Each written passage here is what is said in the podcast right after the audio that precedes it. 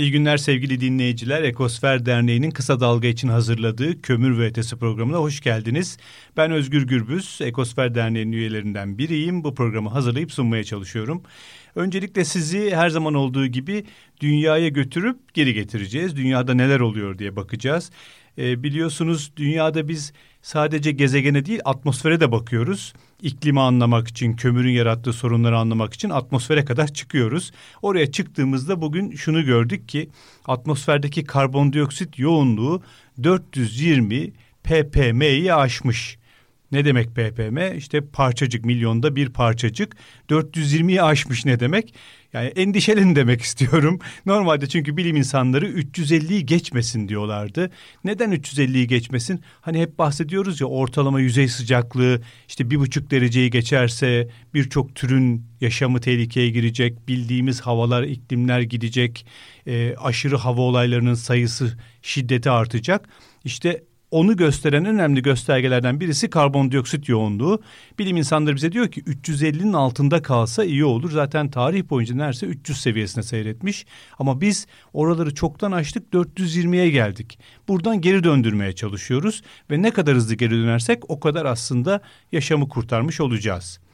Ee, ne yazık ki kötü bir haberle başlamış gibi olduk ama biz bununla ilgili bu programda çok konuşacağız. Çünkü konuğumuz Selen Karaca kendisi İklim için 350 Derneği finans kampanyaları sorumlusu. Selam merhabalar hoş geldin. Merhabalar. 350'den başladım. Sizin dernek zaten bunu adına koymuş bu karbondioksit yoğunluğunu. Hedef 350 diyorsunuz herhalde. Doğru, doğru. Hedefimiz bu miktarın, parçacık miktarının 350 olan güvenli sınırda kalması. O yüzden bu konuyu ismimize taşıdık ve iklim için 350 derneği olarak kullanıyoruz dernek ismimizi. Peki neler yapıyorsunuz bu 350 hedefine yaklaşmak için?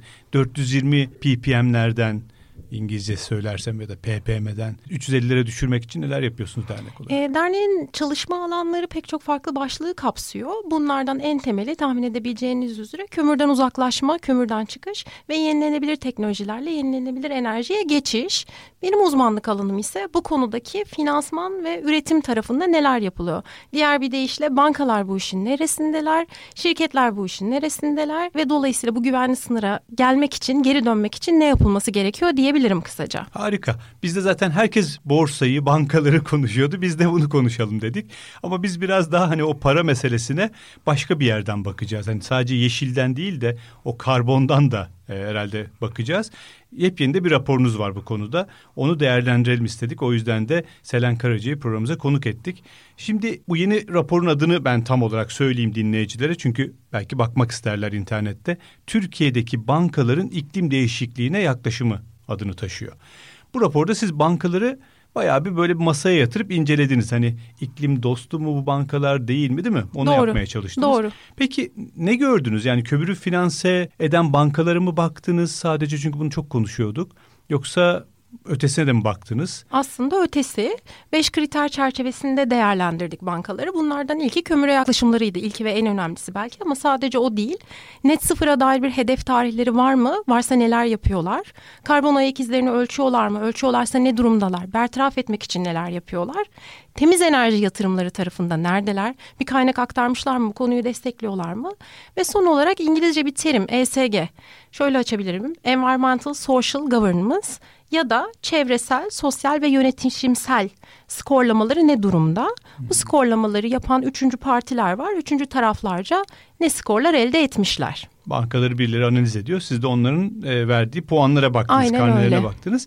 Peki en baştan başlayalım ama orada bir iki kavramı da bence dinleyicilere açıklayalım. Mesela net sıfır demiştin. Ne demek net sıfır? Net sıfır kendi faaliyetlerinden kaynaklı yaydığı emisyonları sıfırlama anlamına geliyor. Dolayısıyla bir hedef tarih paylaşıyor kurumlar. O hedef tarihte tekrar edecek olursam e, kendi faaliyetlerinden kaynaklı saldıkları emisyonları sıfırlama hedefine dair yapacaklarına dair bir yol haritası çiziyorlar ve sonrasında da uygulamaya başlıyorlar. Karşılaştırılan ya da karıştırılan bir kavram var net sıfırla birlikte o da karbon nötr. Evet. Karbon nötr ise yaydığı emisyonları bertaraf etmek demek. Dolayısıyla... Ha, bunu nasıl yapıyorlar? Bazen çok tartışılan bir yöntem. Yine İngilizcesi offsetting galiba değil mi? Katılıyorum. Yani biz diyelim ki bir firmayız ya da bir bankayız. Bankamızın araç filosu var. Araç filosu petrol kullanıyor haliyle. Araçların çoğu ya da dizel benzin kullanıyor ve karbon bırakıyor atmosfere. Atmosfere bırakılan karbon miktarı kadar karbonu tutacak fidan dikmek mesela. Gibi. Bu karbon nötr yapabilir değil gibi, mi bir firmayı? Gibi. Bu karbon nötr demek anladım. Evet. Ama emisyon net sıfır emisyon deyince biz onun biraz daha ötesine geçmiş oluyoruz. Doğru. Araçlarının elektrikli araca çevrilmesi örneğin. Hiç karbon çıkarmamak. Çıkarmayacak şekilde. Yani günahını temizleden aslında hiç günah çıkarma, günaha girme gibi, gibi. demiş oluyoruz. Kesinlikle. Böyle söylemek daha mantıklı olur. E, rapora geri dönecek olursam eğer ilk ve en önemli kriterimiz kömüre yaklaşımları demiştik. Şimdi güzel bir haber var. Ne kadar güzeldir ki bu 17 bankadan e, büyük bir çoğunluğu hali hazırda kömüre hayır demiş durumda. Yeni kömür projelerini finanse etmeyeceklerini söylüyorlar. Yani kredi vermeyecekler yeni evet, kömür projelerine. Evet. Bu güzel. Bu arada banka isimlerini de söyleyebilirsin belki. Belki de konuşacağız firma isimlerinde özellikle BIST meselesine girince borsaya geldiğimizde. Şu uyarı da yapayım bu program bir yatırım tavsiyesi niteliğinde değildir diye söyleyelim başımız belaya girmesin. E, buna ilave olarak üç banka daha da konuyu ileriye taşıyarak olumlu anlamda hali hazırda portföylerinde olan mevcut kömür kredilerinden de çıkacağını, sonlandıracağını açıklamış durumda. Bu sayının da elbette ki artmasını umut ediyoruz. Önemli bir konu olduğu için. Yeniden sayı hatırladım. Kaç banka demiştin? 17 bankadan 11'i. Bayağı aslında yarıyı geçmiş durumda. Doğru, doğru. Yani kömürden biraz umudu kesmiş diyebilirim herhalde bankalar değil mi? Doğru. Finansman vermek istemiyorlar, kredi vermek istemiyorlar. Evet, yeni projeleri reddedeceklerini söylüyorlar. Üç tanesi de mevcut olan hali hazırdaki kredilerden de çıkacaklarını söylüyorlar. Daha da iddialı bir şey Daha da iddialı bir şekilde. Yine 17 bankadan 11 tanesi 2050 yılına kadar net sıfır hedefine ulaşacaklarını açıklamış durumdalar. Yani 2050 yılında net sıfır olacaklarını söylüyorlar. Yalnız burada dikkat çeken bir nokta var. E, bu hedefe yönelik kısa vadeli planlamalarına rastlayamıyoruz. Yani bu bir dilek ve temenni olarak kalıyor. 2050 yılında net sıfır olma umudunu taşıyorlar ve bu yönde bir taahhütleri var. Ama bir genelleme yapacak olursak pek çoğunun kısa vadeli planları ve hedefleri henüz oturmamış ve kamuoyuyla paylaşılmamış durumda. Yani bugün 2024 yılındayız. 2024'ten 2050'ye gidecek yol pek belli değil. Değil. Ama 2050'de hedef belli. Var. Bu bana biraz Türkiye'yi hatırlattı hemen. Türkiye'nin de hani iklim müzakereleri kapsamında ulusal katkı beyanı 2053'te net sıfır olacağız diyor. Ama biz 2030'u biliyoruz iyi kötü. 2030'da 2053 arası kayıptı. Bu da biraz ona benziyor. benziyor. Ama bu herhalde önümüzdeki yıllarda bankaların o boşluğu dolduracağı taahhütünü de verdikleri anlamına gelir mi? Öyle, öyle olması gerekir. İyimser bakabilir miyim? İyimser bakabileceğimiz gibi öyle olması gerekir. En azından bizim kurum olarak takipçisi olacağımız konulardan bir tanesi de bu olacaktır. İlgili hedefe giden yolda neler yapılacağının paylaşılması ve ona uygun hareket edilmesi. Güzel. Peki e, kömür meselesini biraz bu finansmanı böyle kapatabiliriz belki. Yani kimin e, kömüre finans vereceği hı hı. ya da çoğunun vermeyeceğine dair bir izlenim elde ettik. Şu ESG meselesini istersen hı hı. bir toparlayalım. Sonra da borsaya geçelim. Tamam, tamamdır. ESG nedir? E, o ESG sonuçları bize ne anlatıyor? Şimdi bahsettiğim kriterler çerçevesinde bankaları, bu arada sadece bankaları değil, şirketleri de e, değerlendirmeye tabi olan kuruluşlar var. Uluslararası kuruluşlar. Birkaç tane farklı kuruluş ve kaynak kullanılabiliyor bu durumda. E, bu kriterler çerçevesinde bir puan elde ediyorlar, not elde ediyorlar bankalarda, diğer firmalarda. Çevresel sürdürülebilirlik konusunda değil konusunda. mi? Bankalar bu işi yani ne kadar iyi yapıyor diye bakılıyor. Aynen öyle. Çevresel, sosyal, yönetişimsel şeylere bakılıyor. İçinde sadece iklimle ilgili kriterler yok. Örneğin kadın çalışan istihdamı gibi sosyal kriterler de yer alıyor. Bunların sonunda da puanlandıktan sonra en nihayetinde bir yatırımcı gözünde değerlemeye tabi tutuluyorlar diyebiliriz şirketler. E, farklı şirketlerin farklı skorlamaları var. İşte A, B, C gibi reytingler elde ediyorlar. Ne kadar A'ya yaklaşırlarsa örneğin o kadar iyidir diyebiliyoruz.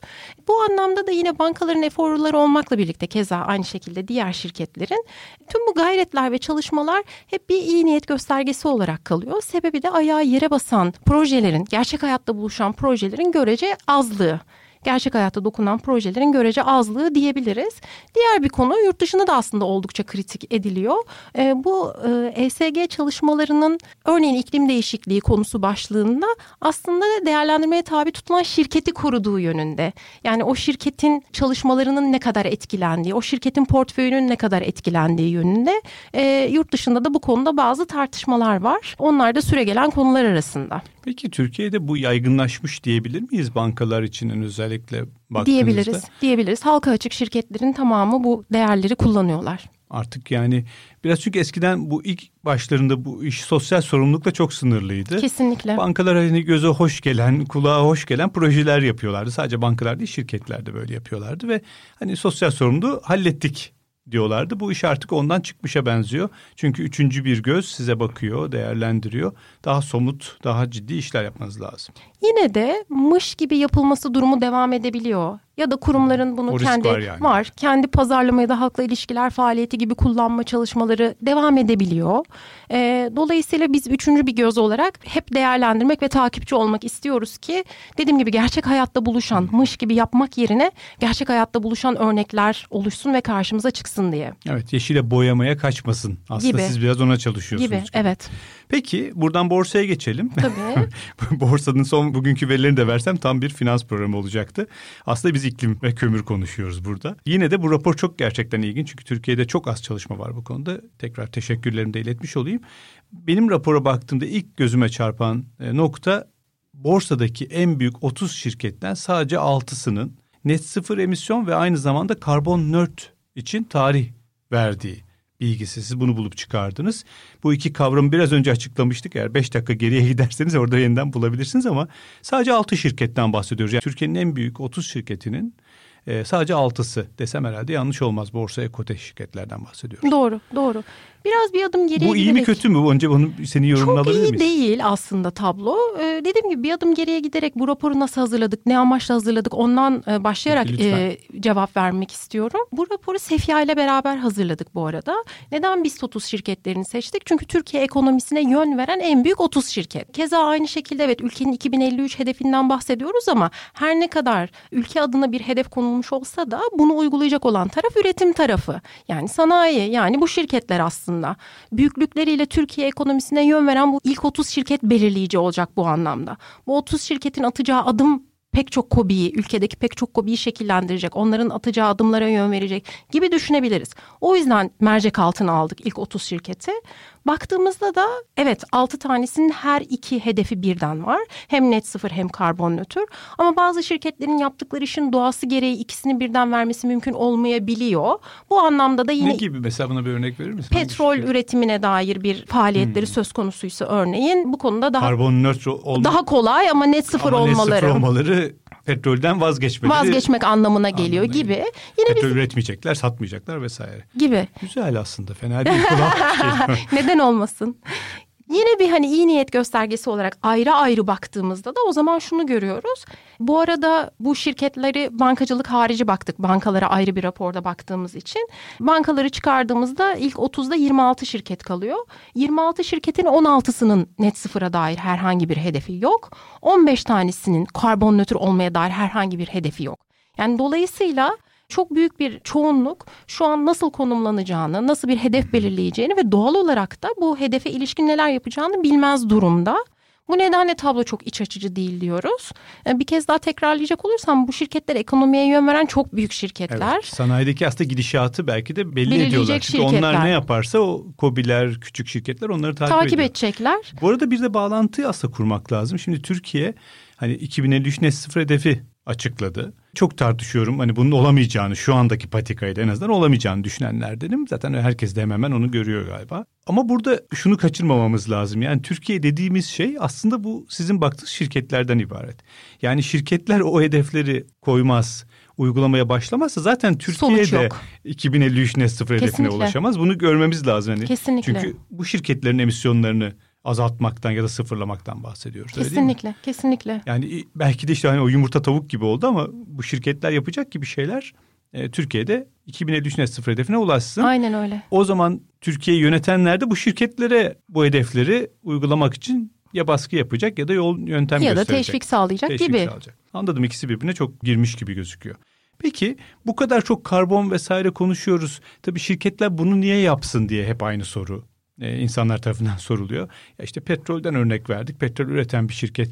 Ya bunlarla niye uğraşsın? Satabildiği sürece satar petrolü. İşte mesele galiba burada biraz netleşmeye başladı.